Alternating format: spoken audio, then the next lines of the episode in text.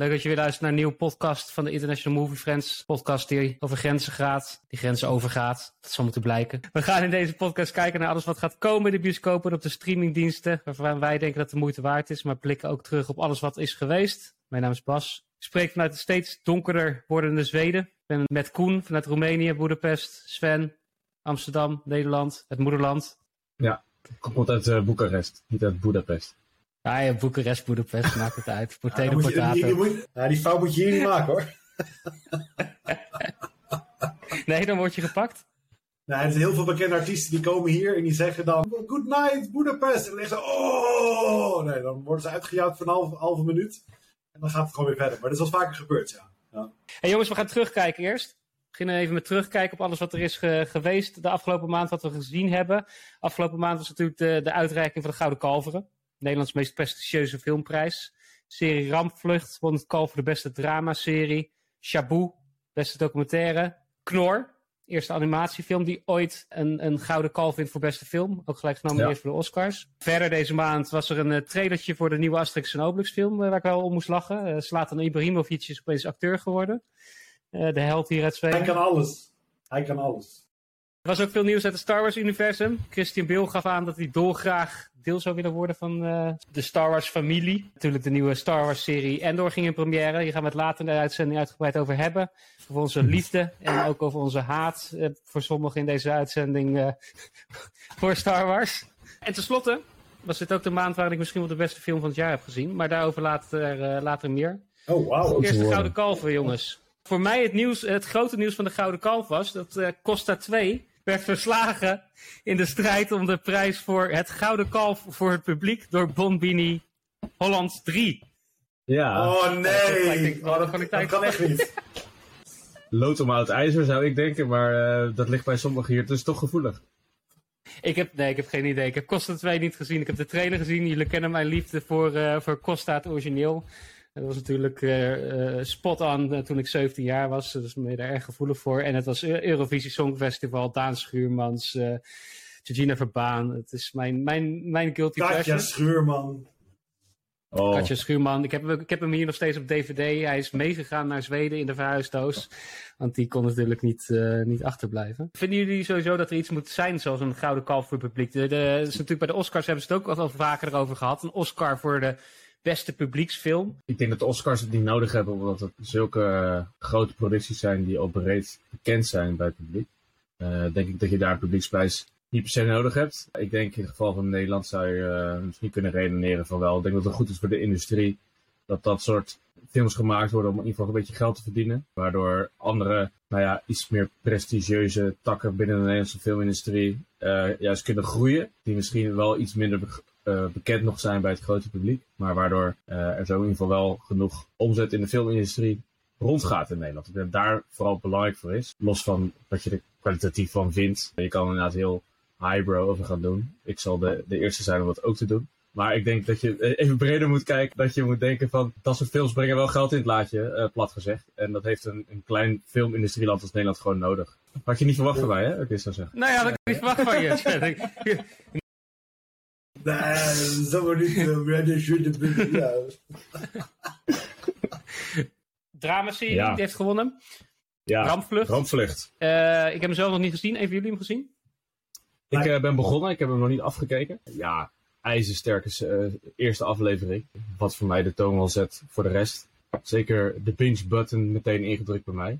Ik heb hem dan nu niet gebinged, maar goed, dat lag aan mijn eh privéomstandigheden. Maar dat kan natuurlijk altijd. Maar echt een hele goede serie, ja, heel veelbelovend. Ook heel erg, ik merk ook dat heel veel mensen erover beginnen, dus dat het leeft, zoiets. En dat vind ik toch wel weer echt een positief teken aan de wand voor de Nederlandse filmindustrie. Dat ze ook met goede drama dus weten te scoren. Sowieso denk ik dat er qua Nederlandse dramaseries echt een stijgende lijn valt te ontdekken. Eh, je hebt natuurlijk een, een kort geleden de film De Veroordeling gehad. Dat ging over de, de David de Moordzaak. Die is heel goed ontvangen destijds. En wat je Ja. ziet eigenlijk ook met deze, deze serie, Rampvlucht, het is gebaseerd op eh, een waar gebeurd verhaal. En ik denk dat daar de kracht misschien wel ligt van de Nederlandse filmindustrie. Dat ze dat soort producties best wel goed kunnen maken. Maar dat is een, een aanname die ik doe hoor.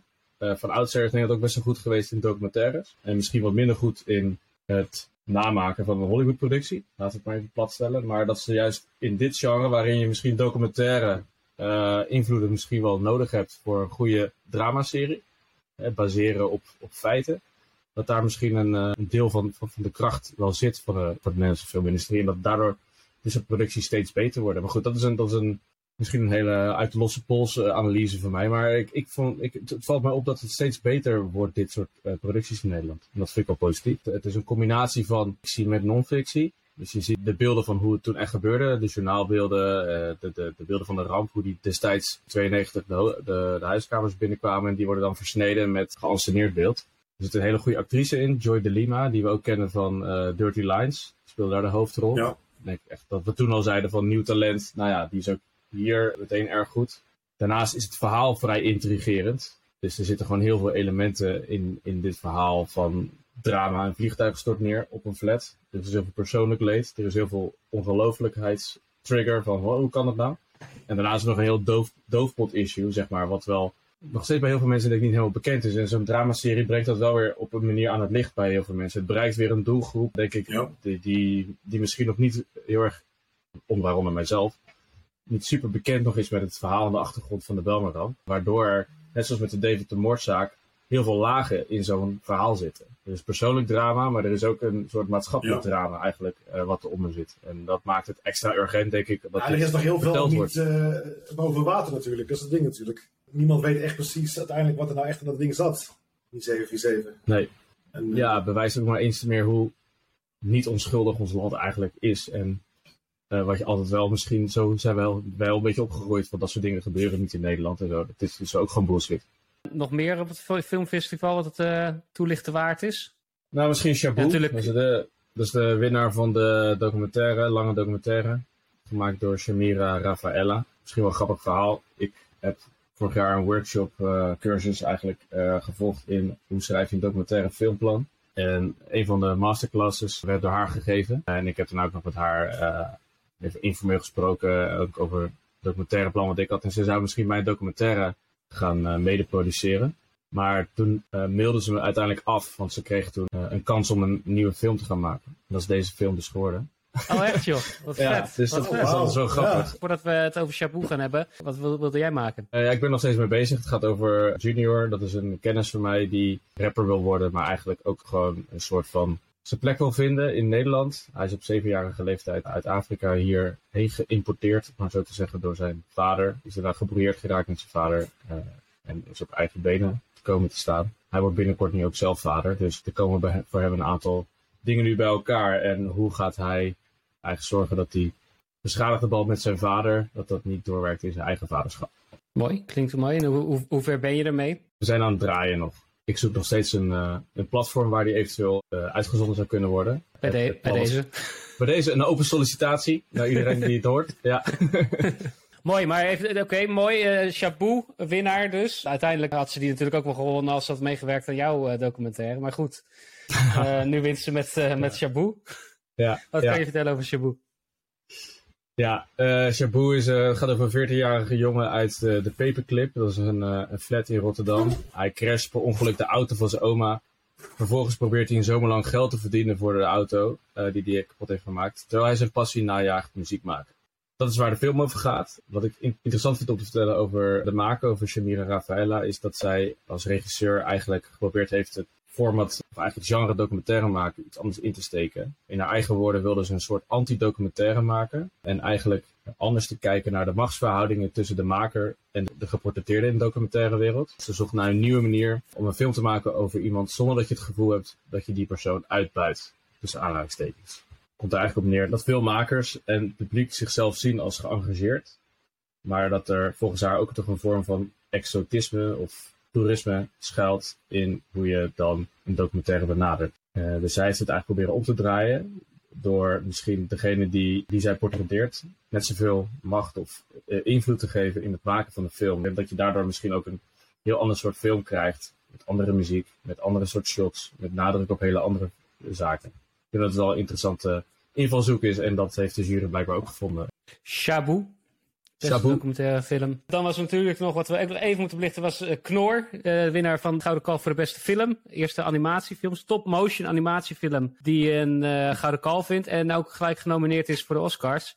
Dus dat ik gelijk nu- even gelijk te denken van, is er wel eens eerder een animatiefilm genomineerd geweest voor de Oscars? Toen dacht ik gelijk al aan Flea vorig jaar. De Deense, geen stop motion Ja. natuurlijk, maar dat was wel een waanzinnige, waanzinnige, Waanzinnige. film, ook animatiefilm, ja. Maar goed, Knor moet natuurlijk nog genomineerd worden, maar het is in ieder geval een Nederlandse inzending. Dus het is interessant om in de Wordt het gaten, in de te houden. Hoe bedoel je, gesponsord? Knor, Nederlands. Ja? Slecht, sorry. vind het wel leuk. Dus eh, nieuwsfeitje nummer twee, Zlatan Ibrahimovic. In de film Asterix en Obelix. De film boeit me echt geen eh, ruk, moet ik zeggen. Ik ben ook nooit zo'n Asterix en Obelix fa- fan geweest. Maar ik vond het toch wel weer de- geinig. Dat viel me toch op. Heb je wel eens de, Ja, de Franse films gekeken, of niet? Nee. Oh, die zijn echt hartstikke goed. Ja, is het zo? Je nooit zo geïnteresseerd Allemaal, geweest in allemaal de, in de strips? Ja, ik de was Gerard wel Depardieu. van de strips. Gerard Depardieu. En, Ja. en zijn allemaal top acteurs. De comics ook ook. Het is vooral heel leuk als je, als je wat jonger bent. Dus ik heb het gekeken waarschijnlijk toen ik 12 was of zo. Toen vond ik het echt geweldig. Maar de humor is ook, want ik kan me herinneren dat mijn ouders ook altijd meelachten. Dus het is, het is een beetje... eh, Hebben jullie ooit de Franse films Taxi gekeken? Oh, sta, vaag staat me er iets van bij. Zou kunnen. Zou Een, taxi, een taxichauffeur met een witte Peugeot 406. Die dan op een gegeven moment op een knop drukt en die hele auto verandert in een soort Formule 1 auto. Het is een beetje dezelfde humor als die films. Ik, vind- het heel goed. Dus ik, ik, vond, ik vond deze trailer ook wel leuk om te zien. Maar het staat wel even van een hele kleine rol volgens mij. Wat ik zag. En de typische rol natuurlijk, hè? Romeinse, eh, Romeinse strijder, of eh, wat is het? Het is wel een, een, een rol die me op het lijf is geschreven, zoals die daar zo staat. In die trailer zien we een shot natuurlijk in zijn, ja, inderdaad, in zijn Romeinse outfit als de grote heerser. Ik slaat dan. Als het een Wat? beetje succes wordt, gaat natuurlijk straks naar Hollywood als hij, als hij eh, met pensioen gaat natuurlijk. Dat, is- daar, daar, daar is hij natuurlijk uitermate geschikt voor. Ja. Het derde topic van de, van, van de afgelopen maand. Ik heb de film van het jaar gezien de afgelopen eh, maand. Je hebt, nee, die, Everything Everywhere even- All at Once. voordat je dit verder, verder zegt. Je hebt natuurlijk eigenlijk al de film van het jaar gezien. Dat weet je ook wel. Nee, toen niks, eh, geen belletje? Met een van de. Tam? Nee? Ah, hou op man, Top Gun. Lek- lekker, lek- lek- lekker wegkijkfilmpje. Oh, zo! Zo! Ja, kom maar op met die kutfilm van je dan. Oké, Everything Everywhere Once. Vertel, vertel erover. Wie, wie, wie regisseur, waar gaat het over? Geen idee. Eh, goed voorbereid. Everything Everywhere All at Once. Nee, het is, het is een, het is een A24 film. Tegenwoordig al best wel een, eh, een kwaliteitskenmerk als een eh, film van A24 is. De enige studio die wel heftige budgetten wil stoppen in eh, films die in principe meer arthouse zijn eigenlijk. Nou, zou ik deze film niet als een arthouse film kwalificeren? De omschrijving die bij mij naar boven kwam terwijl ik aan, aan het kijken was, was de Aziatische huisvrouwen matrix. Maar daarmee, daarmee doe ik het. da- daarmee doe ik Dat is het een mooie beschrijving. Wat de hel is dat dan? Eh, Een, een korte uitleg over eh, waar die over, over gaat. Het is een eh, film over een, Chinese immigrantenfamilie in, de, in Amerika. Zij hebben een wasserette, zeg maar. De, de, de- de, de moeder, de vader en haar, een dochter hebben een wasserette. Ja. Zit tegen financiële tegenslag. En zonder al te veel weg te geven, komt de hoofdrolspeelster, maar ook de andere twee van het gezin, die komen in allerlei alternatieve dimensies terecht. Ja, denk Matrix, zeg maar, maar dan absurd. Heel veel het is comedy, het is actie. Het is een film zoals je nog nooit hebt gezien. Het is echt. Ik heb, ik heb, ik heb, ik heb de bal uit mijn broek ge- gelachen en eh, aan het eerste deel van de film. En eh, ik heb de tranen over, me, eh, over mijn wangen laten glijden. Het tweede gedeelte van de film, omdat ik het, zo mooi vond. Dus het heeft me op alle mogelijke dat is een beetje de manieren beschrijving eh, van, eh, dat is een beetje de beschrijving van mijn, eh, mijn, mijn bezoek aan Top Gun. Maar goed, prima. Dat is waar, ja. Jij moest zes keer huilen bij Top Gun. We weten nog steeds niet waarvan, maar goed. Hey, eh, Bas, toch heel even over... eh, Heel smooth, man. Heel smooth. Ben jij een huiler bij films, Bas? Want ik weet niet wat de gradatie is. Eh, Claudia die haalt het passend en Ehm. onpas bij een film die je kijkt. Dus ik begin dat steeds minder als eh, gradatie te nemen. Maar hoe zit, hoe zit dat voor jou? Nee, ik, ik, ben, ik, ben, ik, ben, ik ben iemand die kan huilen bij films, laat ik het zo zeggen. Ik ben niet per se, ze- zeker nu ik steeds meer heb gezien, als ik een van de cliché verhaaltjes zie, dan zal het me niet zo snel raken. Maar ik kan wel huilen bij films, ja. Het is wel regelma nou, regelmatig. Ja, voor deze film. Maar dat is de laatste film dat je echt weet dat je... Oh, dat moest ik echt even huilen, ja.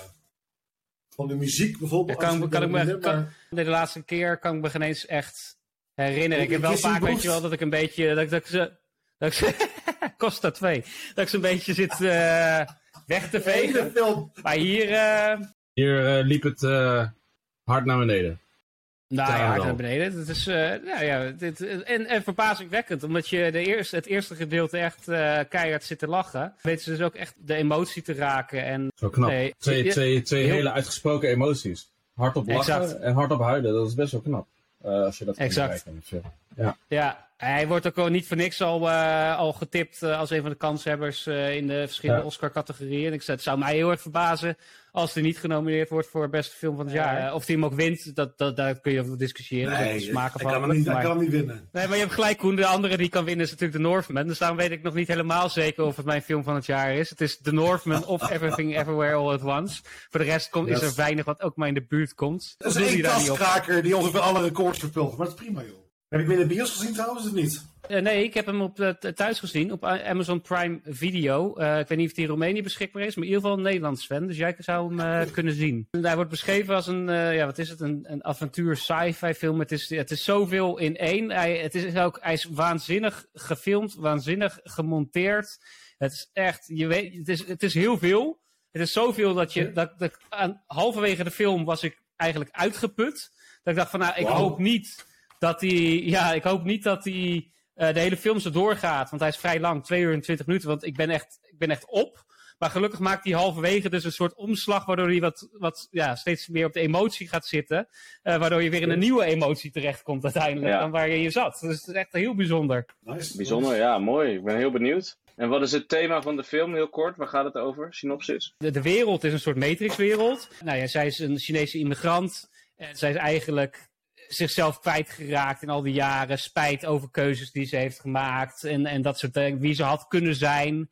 Uh, maar niet is geworden. Dat, dat, is, okay. dat is de thematiek een beetje eigenlijk. En dat geldt ook voor de relatie met de dochter. En uh, daar, wordt, uh, daar wordt heel erg weggespeeld. Ik wil er voor de rest niet te veel over, over weggeven. Maar, wat, wat is je rating? belevenis. Ah, vind, vind ik moeilijk. Uh, het is een van de beste films van het jaar. Dus ik, ik, voor mij, samen met de Northman, dus ik zou hem toch zelf snel op minimaal 9 uh, zetten. Jongens, dan heb ik voordat we naar iets anders doorgaan, even een, een quizje. Even een heel kort quizvraagje. Randy McMurphy is de lead character in welke film uit 1970? Is het A. Clockwork Orange? B. The Exorcist? C.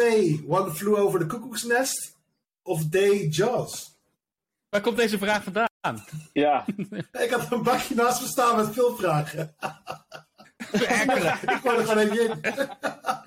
ik gooi er gewoon eentje in. dus nog een keer. Randy, Randy McMurphy is dus de, de main character. Oh. In welke film uit het jaar 1970? Uh, A. A Clockwork Orange. B. The Exorcist. C. One Flew Over the Cuckoo's Nest. Of D. Jaws. One Flew Over the Cuckoo's Nest. Clockwork Orange. Nee, Sven heeft gelijk. C. Godverdomme, puntje voor Sven. Hou hem erin. Doe er oh. straks nog eentje. Vind ik leuk. Sven, he Precies. Sven heeft al nog geen enkele film gezien, maar hij weet het wel. Ah, nou, eigenlijk weet hij het. Nou ja, trouwens, want dat is een mooi bruggetje. Want dan gaan we het nu eventjes naar de, een film die jij nooit hebt, hebt gezien. Inderdaad. Star Wars. Koen, Ga lekker voor, voor jou. Pak een theetje. Ja. Doe dat. Koen, voor jou Star Wars. Wat, wat, wat, wat, wat, wat is, betekent Star Wars voor jou? Ja, nee, Star Wars voor mij, ja, het is letterlijk... Ik heb de eerste drie films, eh, dus vier, vijf en zes in het, uh, in het uh, als je het zo moet bekijken, heb ik gekeken toen ik volgens mij een jaar of negen of tien was. Toen was ik met mijn ouders op vakantie in, uh, in een roompot vakantieparadijs ergens in Zeeland of zo. En toen gingen we elke, gingen we elke avond gingen we, gingen we zwemmen. En mijn vader die ging dan elke keer ons op tijd eruit halen. Want elke avond had je om half negen op een of ander kanaal had je dan de Star Wars films. En dat was zo ah, verschrikkelijk vet. En ik heb elke avond zoveel gedroomd over, vooral over Han Solo in een bepaalde, ja ik zeg het gewoon, want wij kijken het nog nooit. Uh, Han Solo in uh, full uh, carbonite of uh, Frozen. En ik vond het zo eng en zo spannend allemaal. En ja, Star Wars is gewoon alles. Star Wars is, is alle facetten van het leven en alle, alle het, is, het, is, het is humor, het is, het is uh, romantiek, het is geweldige actie, het is, het is fantasy, sci alle, ja, het is gewoon alles. Het is de beste muziek. Joe Williams is helemaal losgegaan. Naast Lord of the Rings, voor mij is de, de Lord of the Rings trilogie en Star Wars, vooral de eerste drie films zijn voor mij het beste wat, wat Hollywood ooit heeft geproduceerd. By far. Echt by far. Ja, het is, het is echt... Ik heb ze ook zo vaak gekeken. Vooral de eerste drie. En eh, ik heb ze denk ik wel tien keer, tien keer per, per film bekeken, de eerste drie. Die andere drie wat minder. Die vond ik wat minder. Die vond ik veel. Ja, het was een beetje allemaal. Het was een beetje een tussenfase in technologie.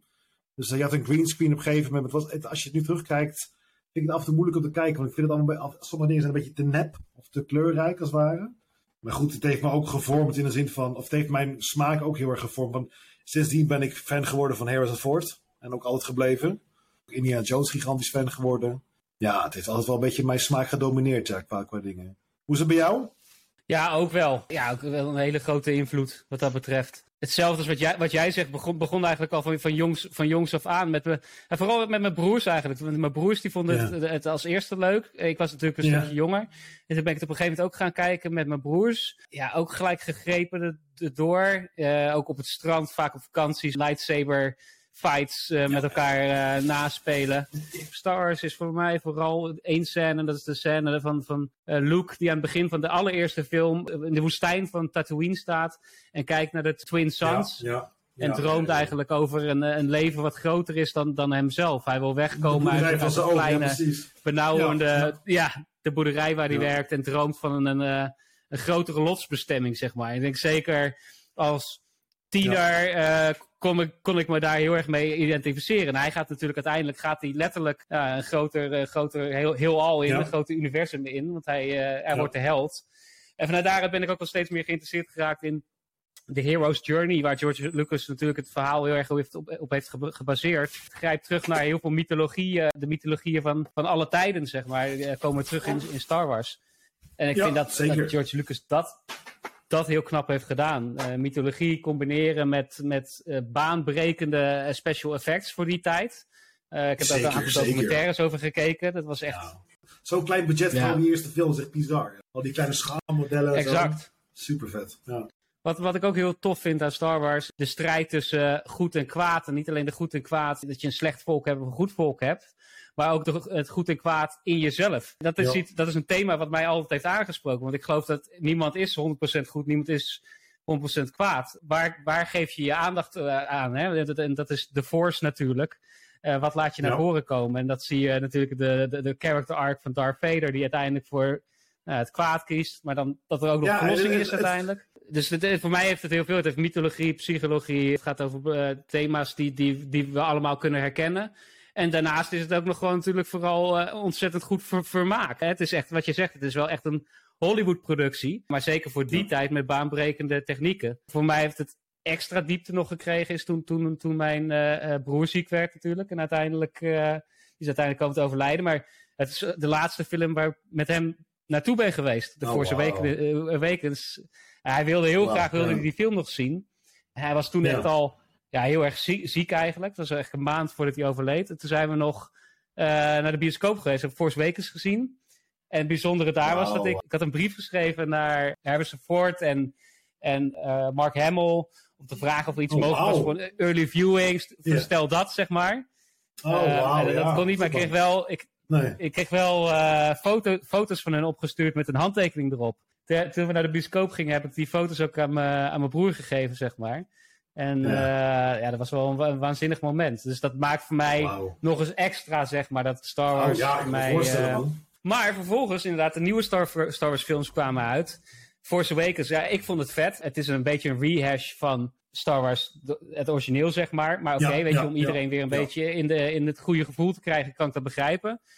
Vervolgens uh, de film van Ryan Johnson, The Last Jedi Vond ik ook goed. Er is heel erg veel kritiek op geweest. Maar het is een filmmaker die heel veel risico heeft genomen met die film. Om juist iets anders ja. te doen. De Empire strijkijzer. Ja, precies. Er, zaten mindere dingen in, maar goed. Ja, maar ja. daarna is, is uh, omdat er zoveel meningen waren, zoveel kritiek ook, is Disney een beetje in de war geraakt, heb ik het gevoel van uh, wat wil het publiek. En dat is ook lastig bij Star Wars, want, want iedereen vindt weer wat anders leuk in Star Wars. Ja, jij sindsdien, vond die laatste niet super, ja, hè? De, de laatste vind ik een van de slechtste films die in de afgelopen twintig jaar gemaakt is. Oh nee, ik vond het geweldig. Ja, nee, echt. Wat grappig is dat, ja, wat grappig. Nee. Heeft het Star Wars goed of slecht gegaan? Dat ze zijn toch overgenomen door Disney uiteindelijk? is toch een enterprise. Ik weet niet, ik weet niet welke term ik Ja, precies moet gebruiken. Ja, George, George Lucas is, is natuurlijk, die heeft het verhaal eh, bedacht voor Star Wars. En die heeft de, de eerste drie films gemaakt en ook de, de tweede drie, drie films gemaakt, zeg maar, de prequels. Toen, Ja. eh, hij was er eigenlijk wel klaar mee, eh, George Lucas. En die heeft gewoon besloten te, te verkopen, de, de hele franchise, Ja. eh, aan Disney voor een gigantisch bedrag. Ja, heeft, heeft, heeft het het goed, goed gedaan? Nou ja, eh, het, het heeft het goed gedaan in de zin dat we meer Star Wars hebben gekregen. Weet je, waarschijnlijk was er anders nooit meer Star Wars gekomen. Nou, dat kan je zien natuurlijk als een zegen. Van oké, laat het bij wat er is geweest. Maar eh, ik heb nu inmiddels. Ik heb heel veel dingen gezien die, die me echt teleurstellen. Wat Koen het ook zegt, dat je bijna een beetje droevig wordt. Dat dat soort verhalen ja. worden gemaakt in het Star Wars-universum. Want je denkt van ja, Zo. dat is zo, zo zonde, want er is zoveel meer kun je met Star Wars. Maar er zijn Ja. ook een aantal goede dingen. Zoals inderdaad, eh, ik, ik vond eh eh, Force Awakens, en daar heb, ik- heb ik me mee vermaakt. Last Jedi vond, Ja. ik, vond ik erg leuk. Eh, Rogue One is een erg goede, goede film. Ja. Nu, en Endor is weer een serie. Dan denk ik van, hey, ja, dit is weer mijn Star Wars. Weet je, het is een andere Star Wars dan George Lucas. Maar wat George Lucas altijd goed deed, was zichzelf vernieuwen. Dat heeft hij met de prequels gedaan. Die, die wilde telkens weer nieuwe dingen zoeken. En wat Disney te veel heeft gedaan tot nu toe, is kijken wat vindt het publiek leuk, wat willen ze, wat wil de massa. Ja, ja, ja, ja, dan. Die moeten we hebben. Het op safe spelen. Terwijl, terwijl George Lucas het nooit op safe heeft gespeeld. Eh, en dat vind ik heel sterk aan de nieuwste Star Wars serie bijvoorbeeld. Dat is een serie die het niet op safe speelt. Omdat het eigenlijk een Star Wars voor volwassenen is. Waar Star Wars altijd is gemarket als een filmserie voor kinderen. Zo heeft George Lucas het al bedoeld. Terug naar jouw antwoord, naar je vraag. Heeft het het goed gedaan? J- Ja en nee. Nee, want het heeft eh, best wel ook wat vlekjes ge- gebracht op het Star Wars eh, canvas. Maar, maar ja, omdat eh, blijkt dat het universum zo groot is, dat er ook heel veel goede en mooie verhalen gelukkig te vertellen zijn. En dat zal hopelijk de komende jaren, als Disney een beetje doorkrijgt wat men eh, waardeert, hoop ik dat er eh, meer van dat soort verhalen komen. Of misschien verschillende verhalen voor, voor verschillende doelgroepen, zo gezegd. Antwoord had je vraag. Ja, dat be- beantwoordt mijn vraag wel, ja. Al eh, kan je natuurlijk... eh, nee, zeker. Beantwoord mijn vraag. Mag, mag, mag ik een persoonlijke vraag volgende stellen, onderwerp. eh, Sven Driessen? Nee, je mag maar geen vraag stellen. Daar ben ik niet van Nou, dan ga ik dat doen. Waar, waarom heb jij nooit destijds die eerste drie films gezien?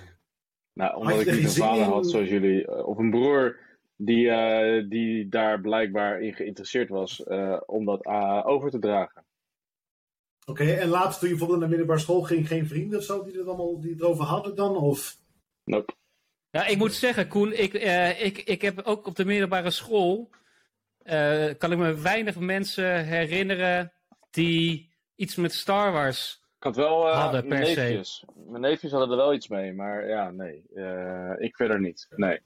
Nee. Ik eh, ging langs Nee, mij ik heen. heb, Allemaal. Ik heb wel met die poppetjes gespeeld bij mijn neefjes. Dus ik wist wel, ik wist wel die figuren daardoor en zo. Ik wist wie Darth Vader was. En eh, ja. heel veel films, daar zie je toch wel fragmenten van op televisie en dat soort zaken. Dus je krijgt het af en toe wel mee. Je krijgt elkaar bekende scènes dan mee, maar ik heb de film niet in zijn geheel gezien. Nee, maar ik moet eerlijk zeggen, het lijkt me eigenlijk best wel leuk om een keertje te kijken, die, eh, die oude films. Maar ik ben begonnen met The Force Awakens en dat vond ik gewoon een moi film. Maar ik denk dat het ook niet zoveel zegt als je dat in de geschiedenis niet kent. Want die film draait heel erg op de, de nostalgie van die eerdere series.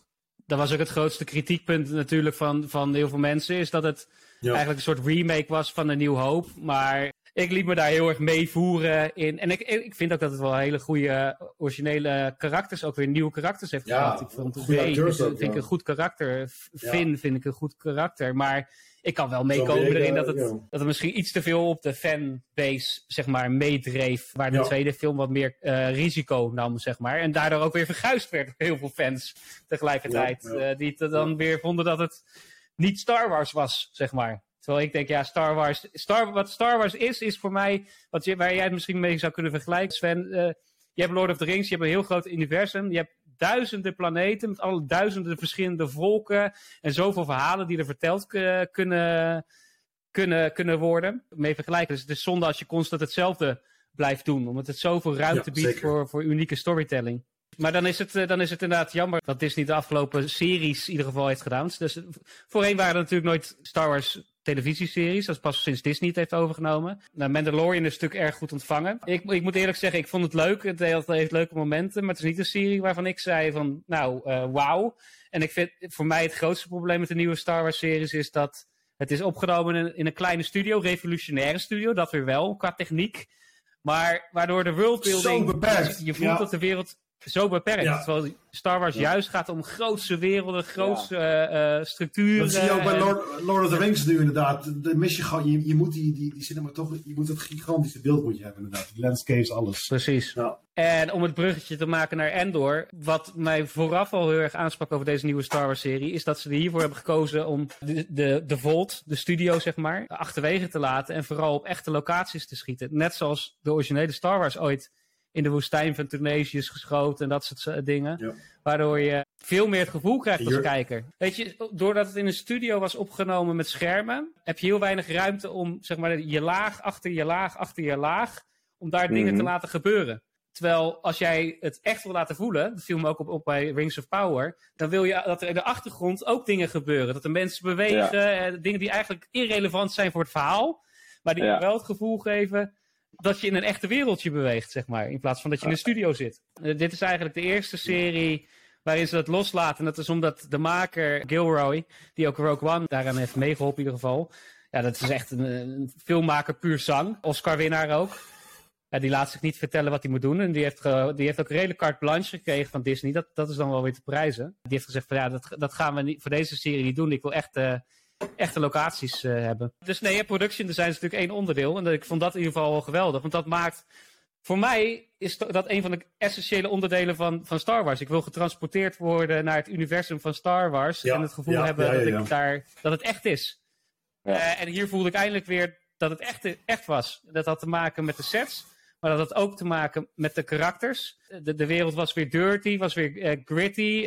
En dat is uiteindelijk waar Star Wars over gaat. Het is een, het is een verhaal van een oorlog en, en een, een, een groep onderdrukte die daartegen in, eh, in opstand wil komen. En Ja, het- die het verzet, parallel zie ja. ik in deze serie. Ja, het verzet en deze, die parallel zie ik in deze serie. Ja, het sterkst nog terug, denk ik, van alles wat ik tot nu toe eh, heb gezien in de nieuwe eh, Star Wars tijd. Omdat het hier echt over het verzet gaat. Het gaat niet over de, de, de, de helden met, met de lichtzwaarden. Het gaat juist over de, de normale mensen die onderdrukt worden door een, door een empire, door het, het Derde Rijk eigenlijk. Die in opkomst is en die alle planeten onderdrukt naar zijn hand zet. Dezelfde sfeer die jij nu, nu neerzet, uitlicht als ware, is, daar ben ik het helemaal mee eens. Dat het echt een beetje het oude Star Wars is. Maar dat had ik ook wel een beetje bij Solo, moet ik zeggen. Het is ook een beetje die gritty. eh er waren dan geen rebellen, Ja. maar dat waren meer mercenaries en, of, of criminelen dan. Maar ook een beetje eh, ja, half loesje types. Zelfs natuurlijk als onze main character. Ja. Hè? Maar bij Solo was het nog wel meer echt een avonturenfilm, zeg maar. Weet je wel, echt voor, voor een jeugdige publiek. Waar dit echt gaat, zeker de eerste afleveringen, gaat het traag. Het, het, gaat, het gaat heel erg over de opkomst van, de, van, het, van het verzet eigenlijk. En wat we in latere afleveringen ook zien, in aflevering 3 en 4, zie je ook hoe er ja, achterkamertjes, eh, eh, praktijken zeg maar, zijn. Waarin bepaalde figuren die zich verzetten, Ja. proberen bij elkaar te komen en, en iets te bewerkstelligen om het, de Empire Ja. te gaan eh, ondermijnen. Het zit heel erg op het op psychologische bijna en niet zo. Het is geen avonturenserie. Waar, waar. Star Wars natuurlijk altijd avontuur is geweest. En daar heeft ook op bekend om gestaan. Maar dit is ook Star Wars. Daar zoomen ze nu heel erg op in. En dat vind ik wel heel, erg, eh, heel erg gaaf bij deze serie. Sven, jij hebt hem ook gezien als, als eh, nieuweling in, de, in het Star? Wars-universum. Ik heb afle- aflevering 1 en 2 gezien en ik moet zeggen dat ik eh, onder de indruk was van inderdaad het setdesign. Dat zag er heel mooi uit. En ook wat jij wel zegt als het een soort van volwassen serie en niet een avonturenfilm. Dat, ehm, dat komt ook wel zo over. Ik vond die eerste twee afleveringen niet, die grepen me niet dus- dusdanig aan dat ik nou heel erg dacht van wauw, dit wil ik helemaal afkijken. Dat, eh, daar vond ik het nog wel een beetje te... Ik ga denk nog wel verder kijken, want ik ben wel nieuwsgierig. Ook omdat jullie zo eh, enthousiast zijn. Maar het is niet zo dat ik daar nou heel hard van stapel meteen loop. Nee, ik kan het ergens ook wel begrijpen hoor. Mijn grootste kritiekpunt op deze serie is niet de serie zelf. Maar en dat zit hem dan vooral in Disney. Maar dat is hoe ze hem hebben gekozen uit te brengen, zeg maar. Want Gilroy die heeft verteld, het zijn twaalf afleveringen. En hij, hij heeft het eigenlijk gemaakt als blokken van drie afleveringen. En elk blok is weer cruciaal, zeg maar, in de, in de vooruitgang van de serie. Maar als, ik, als je de eerste, twee af, de eerste twee afleveringen kijkt, werden ze voor mij op een heel erg random punt werden ze stopgezet. Dus het is heel erg duidelijk dat Gilroy het echt heeft bedoeld eigenlijk als een soort verhaal van 90 minuten. Wat, wat is het? Eh, 120 Ja, minuten. ja. Dus ik Ja. zou bijna zeggen, breng het uit als vier super lange afleveringen. In plaats van als twaalf kortere afleveringen. Ah, dat Want het is gewoon telkens Ja, één, ja. één- story arc. En nu kan ik begrijpen dat bijvoorbeeld Sven, en zeker als je nog niet zo invested bent in het Star Wars universe, dat je denkt, ja, na een aflevering, terwijl als jij in een film zet, dus ik niet, als ik in een film zet, ja, die kijk ik altijd tot het einde uit. Want ik wil altijd weten, oké, waar gaat de filmmaker me mee naartoe nemen? Want hij kan bedoelingen hebben met wat hij aan het begin aan het doen is. Kan ik misschien niet zo spannend vinden. Maar Ja. misschien aan het einde is, lijkt het allemaal het waar te zijn geweest, zeg maar, weet je wel. Zelfs bij, eh, bij, Eh, bij Aquaman. Ik uit. Ik, ik kijk alles uit. Dat, dat is mijn grootste kritiekpunt eigenlijk. Dat is niet zozeer de kwaliteit van de serie, maar meer het publishing schema. En dat is ook nu met, de, met aflevering 4, denk ik ook van ja, wat mij betreft had het gelijk doorgekund met aflevering 5, zeg maar. Dus, maar ja, dat is natuurlijk niet interessant vanuit een marketing oogpunt, want ze willen elke week de mensen vasthouden. Maar ik, ik vraag Ja. me af of ze niet ook wat verliezen nu. Ja, nou ja, dat, dat ehm, denk ik dus ook. Het mag soms wel wat meer to the point komen. Het, het, wordt een soort onnodig vertraagd of zo, misschien. De eerste twee afleveringen zijn gewoon eh, heel erg traag. En als je echt Star Wars fan bent, is het hartstikke tof. Het is wel interessant om een beetje de backstory van Cassian eh, Endor zelf te zien. Want we kennen natuurlijk alleen maar als Rogue One, wanneer hij al soort hoofd van een van de rebellen-divisies ware is. Maar het begint pas echt los te komen vanaf, vanaf aflevering 3 inderdaad. En vanaf aflevering maar dan- 4 ben je echt, heb je echt dat gevoel van, ah, dit wordt, dit wordt tof inderdaad, ja. Ja, maar daar, daarin is, is, is het wel, denk ik, aflevering 1 en 2 heb je nodig. En daarom vind ik, ik, ik vind het nooit Zeker, als iets zeker, traag gaat. Als je Ik maar uiteindelijk nee. daar eh, iets, iets, iets voor ontvangt. En aflevering Ja. 1 en 2 heb je nodig. Want ik vond aflevering 3 vind ik misschien wel een van de beste afleveringen die ik dit jaar in een serie heb gezien, zeg maar. En dat komt omdat er ook zonder, Dat zonder aflevering 1 en 2 was aflevering 3 niet zo goed geweest. Hetzelfde ook bij Rings Zeker, of Power dat bijvoorbeeld afgelopen week. Ik vond de aflevering op zichzelf staand heel goed. Maar omdat het voorwerk niet goed was bij Rings of Power, vond ik Ja. het weer niet zo'n sterke aflevering. Dus je hebt soms het precies. voorwerk wel nodig. Ja, ja. Ja, Nee, Ik snap zeker. het. Dus, eh, Aflevering 1 en 2 maken, ze maken aflevering 3 inderdaad het wat het is. Een beetje emotioneel momentje zelfs. Het is echt een dijk van aflevering uiteindelijk inderdaad. En dan is het ook weer leuk, want dan is 4 weer zo'n tussenaflevering. Maar dan wel weer met dat, dat Han Solo sausje krijg je eroverheen voor mijn gevoel. Ja, en daar baalde ik zo van. Want ik ben gisteren begonnen met de Obi-Wan. En dat vond ik helemaal niks. Ik dacht echt, wat is dit voor serie joh? Ik dacht vooral, Ja. Endor was echt hoog niveau. En Mandalorian was een ander niveau, maar gewoon heel grappig en leuk en tof. En dit was echt, ik denk van, wat hebben ze hiermee gedaan, joh? Ja, dus ik ben Ja. heel erg benieuwd. Ja, geïnvesteerd in, in Endor, maar Obi-Wan, eh, ik, ik wil het niet eens afkijken. Ik ben gewoon bang dat het nog erger wordt. Op mijn gevoel. Nee, je moet, het wel, je moet het wel afkijken. Het wordt naar het einde toe wel iets beter. Maar eh, er zitten wel een aantal geweldige scènes in. Dus. Maar eh, ja, dat haalt, het, is, ja, het is zonde, had zoveel meer meegekund. Maar dat is Ja, een andere serie. helemaal niet. Ja, precies. Ja. Nee. nee. Nee. Maar goed, eh, nee, eh, Sven, ik kan het je zeker aanraden door te kijken. Eén ding wat ik er nog eh, uit wilde lichten eh, is, is de prestatie van Stellan Skarsgård. Eh, De, de godfather van de Skarsgård eh, family eh, hier uit Zweden, die eh overal te zien is. Hollywood. Ah, maar hij is, hij is toch hij is zo'n geweldige acteur. Hij, eh, hij draagt echt eh, vanaf aflevering 3, 2, 3 eigenlijk, begint hij die serie echt te dragen. Want hij is eh, ook een veel betere acteur dan bijvoorbeeld eh, Jacob Luna, die Cassian Endor speelt. Mm, Er was één scène in, in aflevering, volgens mij was het aflevering 4. Hij heeft een gesprek, zal niet te veel verklappen. Hij heeft een gesprek met een, met een dame aan het wie begin van speelt de hij even, aflevering. weer? Even, wat- sorry wie speelt hij ook weer? Hij speelt eh eh, Luthien. Hij speelt Luthien en hij is zeg maar, hij recruit eh Cassian. Dan Diego Luna, maar die kan ook wel acteren hoor. Jawel, maar ik bedoel, geen, eh, Narcos gezien. jawel, ik, natuurlijk kan hij wel acteren, maar Stellan Ja. Skarsgård is wel eventjes next level. Hij heeft één scène eh, in, in aflevering 4, aan het begin van de, van de eh, eh, episode, heeft hij een gesprek met een dame. eh, zonder al te veel ja, weg te geven. Of, eh, heeft een gesprek. En op een gegeven moment heeft hij er zo'n stemverheffing vanuit het niets. Look at me! En het is zo fantastisch hoe die... Ja, die is Ik, ook goed, ah, dacht, ah, dit is, Dat is een beetje Anthony. Hopkins niveau. Ja, precies. Ja, ja, ja, ja. Anthony Hopkins, El Pacino, die kan dat ook zo geweldig, weet je, vanuit het niets, maar Ja, zonder ja. dat het overacted wordt, weet je wel, dat is, dat is heel moeilijk. ja, ja, ja. En daar dacht ik Ja. wel van, ah, dit, dit is wel een acteur, zeg. Dat, het, het zulke soort kleine Ja, hij is een dingen. geweldig acteur. Ja. Alleen daar al voor, Sven, zou ik zeggen, kijk door, want hij maakt ook een transformatie. Hij is eigenlijk een dubbelpersoon, eh, waarin hij ook weer heel Ja, anders speelt hele- hele dan als hij de ene persoon is. Ja, maar goed, dus eh, Sven, voor jou, eh, je gaat het nog een kans geven. Zeker. Goed, er zijn veel dingen die ik een kans wil geven. Dus het is, eh, de uitgangspositie van deze serie eh, is wankelend. eh, op basis van de eerste twee afleveringen. Eh, heeft me niet gegrepen. Eh, soms ook een beetje, eh, dacht ik, weinig backing info of zo voor iemand die daar zeg maar invalt. Je moet het allemaal maar een beetje zelf uitzoeken als kijker. Hoe, hoe het zit en hoe de verbanden zijn en wat al die termen zijn. Het, het is eigenlijk meer vanuit jullie dat ik denk van nou, ik ga nog even verder kijken dan dat het vanuit de kracht van de serie of vanuit de eerste afleveringen. Ja, snap ik. Het, het is, het Ja, is wel ja, een serie waar je voor moet werken. Eh, ik, ik Ja. ook, eerlijk gezegd. Weet je wel. En dat, maar dat vind ik ook de kracht. Want, eh, dat is ook leuk soms. Ja, het is niet, Maar ja, ja pre- pre- precies. Er wordt, er wordt weinig. eh, er, er is, weet je, sommige series. Zeker als het gaat om nieuwe Star Wars of Marvel of dat soort dingen. Wordt alles zo over uitgelegd, zeg maar. Dat ik denk van ja, ik Ja. snap het. Hier heb je soms een blik is al genoeg, zeg maar. Je hoeft niet alles wat je Ja. voelt in woorden uit te drukken. En eh, Nee. dat, dat vind ik juist wel heel sterk. Maar Ja, ja, het is wel als je moe bent, zeker de eerste twee afleveringen, als je moe bent en je denkt, joh, eh, lekker Star Wars, ik ga even achterover zitten. ja. Eh, het is wel een serie waar je voor moet werken. Ja. Nou, Zeker dat in is het begin. Het is misschien soms wel handig om een paar termen of zo, dat ze dat wel een beetje. Maar goed, dat kan ook, eh, als het aan de hand duidelijk wordt, is het ook goed. Dus dat, wat dat betreft, Weet, je, eh, weet, je, weet je wat een lightsaber is, Sven? ja, dat weet ik.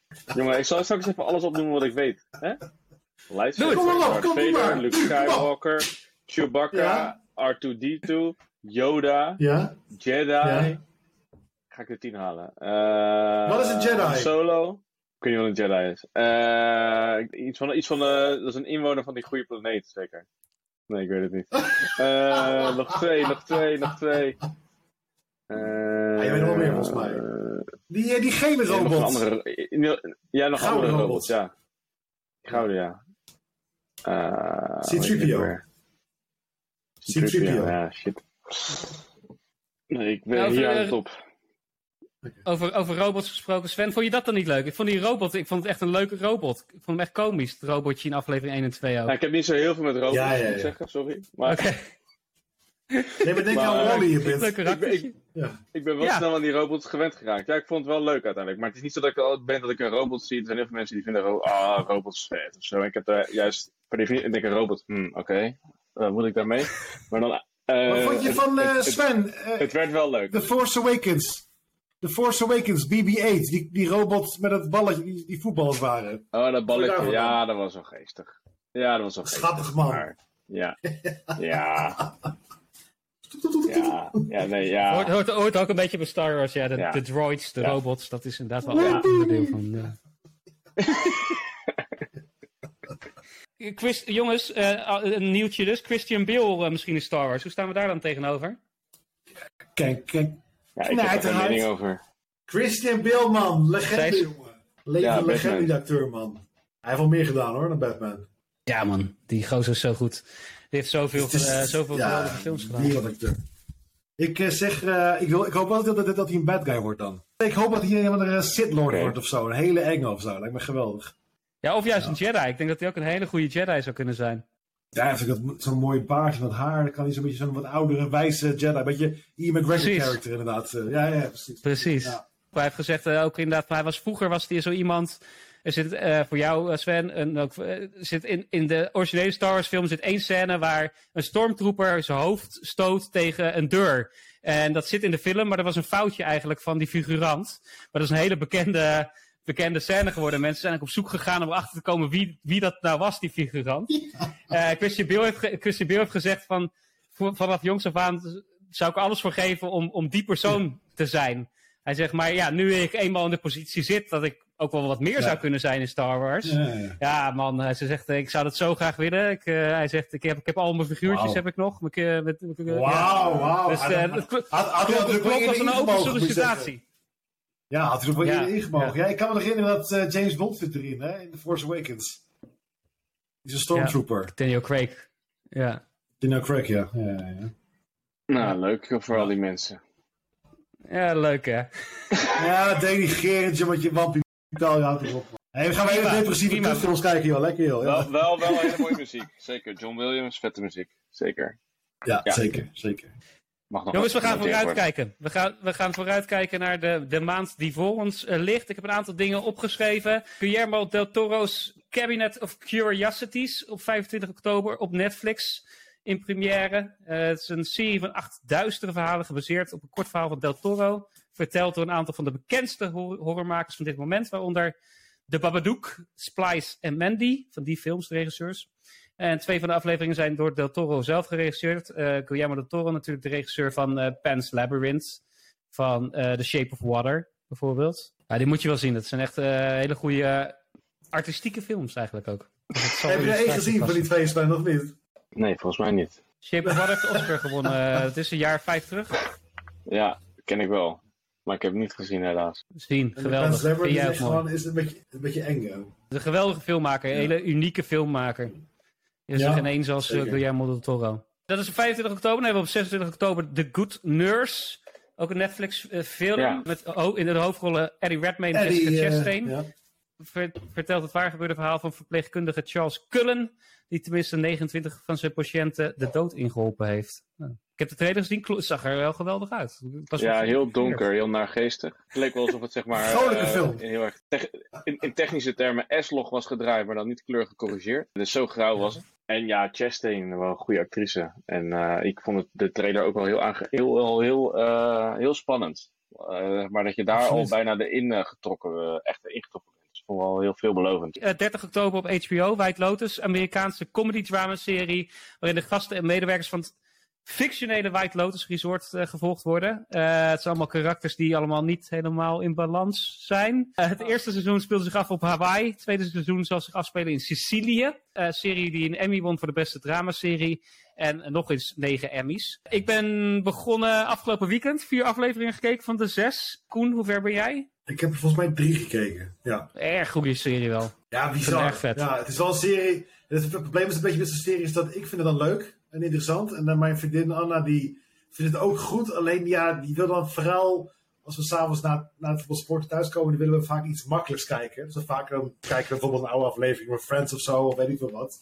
En ik wil vaak dan wat serieuzere dingen kijken. En dan, ja, ah, niet nu. Dus dan heb ik geen moment om het weer verder te kijken. Dus ik moet nog een beetje wachten op het moment dat ik het weer kan kijken, inderdaad. Maar ik vind het erg goed, ja. Bizar. Ja. Wij, wij, wij, wij hebben hier precies hetzelfde gehad. Want wij hebben het op zaterdagochtend en zondagochtend gekeken. Want Lina die wordt ook vrij gestrest van de serie. Omdat het ook allemaal inderdaad.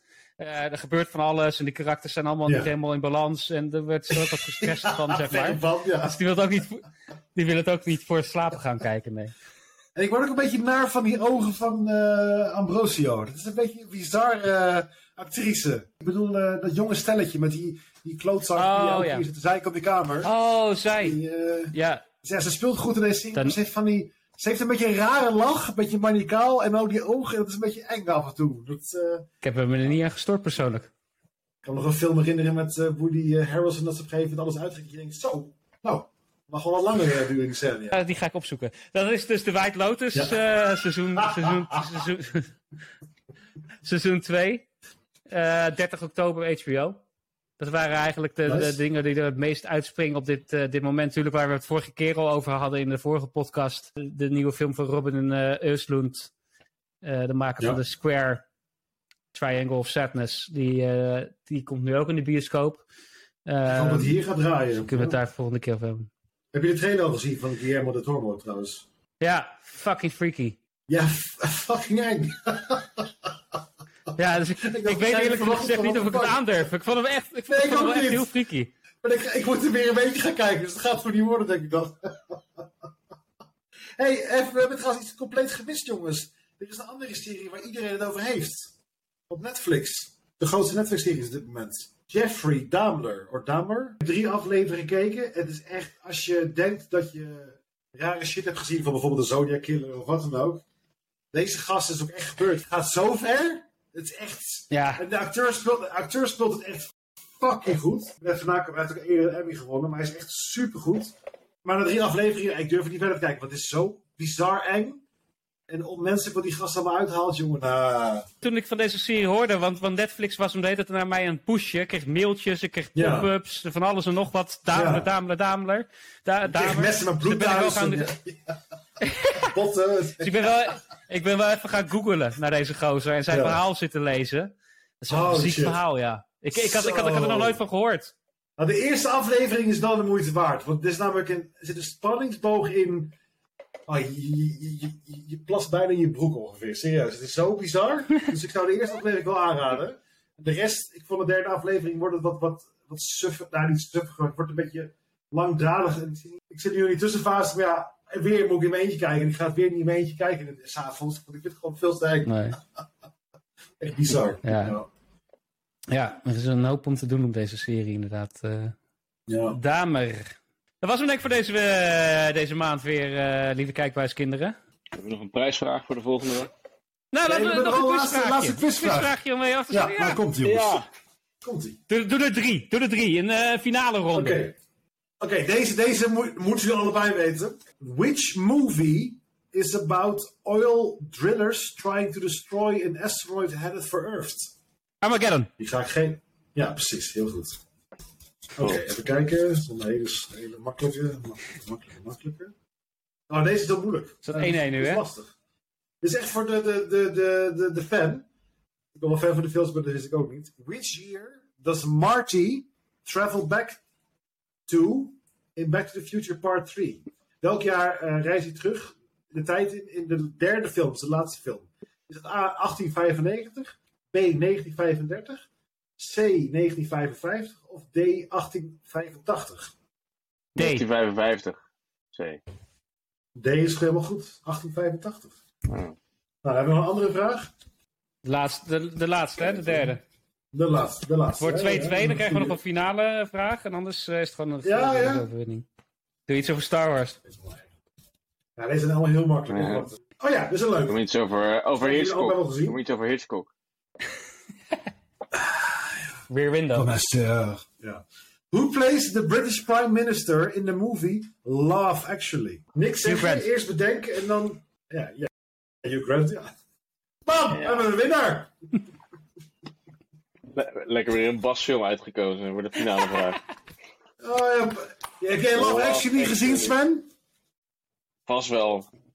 Pas wel gezien. Vraagje, Sven. Heb jij... Ik ga namelijk eh, naar Londen eh, volgende week. Heb jij, eh, eh, heb jij eh, Nothing Hill gekeken, Sven? Nothing Hill. Met Hugh Grant en Julia Roberts. Pas wel. Ja. Dat gaat goed Die romcoms die blijven niet hangen, joh. Die lijken allemaal hey, dat is een hartstikke leuke romcom, man. Een prachtfilm. Over Portobello Road. Legendarische Ja, het is wel een hele mooie film. Kan ik, kan ik, kan ik je Ja, het is een mooie film. Ja, ik denk dat ik hem wel gezien heb, maar dat ik gewoon niet meer zo goed al die romcoms kan onderscheiden. Nee, dat, dit is wel, eh, van, van, de, van, de, van de romcoms is dit Ja. wel een klassieker, Ja. zeg maar. Ja, Ja. dat is een goede. Dat is een goede. Dat is een leuke. Een, scha- een schattige. We gaan weer lekker eh, kijken de komende maand van alles en nog wat wat los en vast zit. En dan gaan we eh, volgende maand weer eens kijken wat we hier eh, willen bespreken. Nou ja, Sven, Star Wars. Kijk, alles wat, er wat er van Star Wars te zien is, zou ik je aanraden. Ga er gewoon, ga er gewoon eens e- aan één beginnen, man. We, gaan- ja, we gaan er een keer een speciale thema-uitzending aan, wa- aan wagen. Ja. Op het moment dat jij deel 1 hebt gezien. Wat doen we als je hem niet goed vindt? Dan zijn we toch klaar, of niet? Nou, maar, maar, maar da- daar ga ik vanuit dat hij hem niet goed vindt. Ja, dan hebben we een open vacature. Dus, wil jij een nieuwe internationale movie friend worden? ja, die is zo makkelijk, sorry. Enige vereiste. Star Wars fan. Je moet een fan van Star Wars zijn, ja. Sowieso, je moet het zo zien, Sven. Jij bent fan van Indiana Jones, toch? Nee, geen fan. Ik heb het wel gezien, ik vond het wel cool, ja. Wel coole films. Oké, zelfde schrijver, zelfde acteur. Mhm. Wat wil je nog meer? Klopt. Ja. Klopt. Ja, hij heeft zelfs eh, ge- hij heeft, hij heeft aandelen genomen. hè. Hij heeft ge- geïnvesteerd in de Star Wars Spiel- Spielberg. Maar goed, Ja. jongens, dat was hem. Eh, genoeg over Star Wars. Eh, we gaan eh, weer lekker eh, kijken de komende maand. En zijn over een maandje weer terug met alles wat nieuw is. Alles wat gaat komen.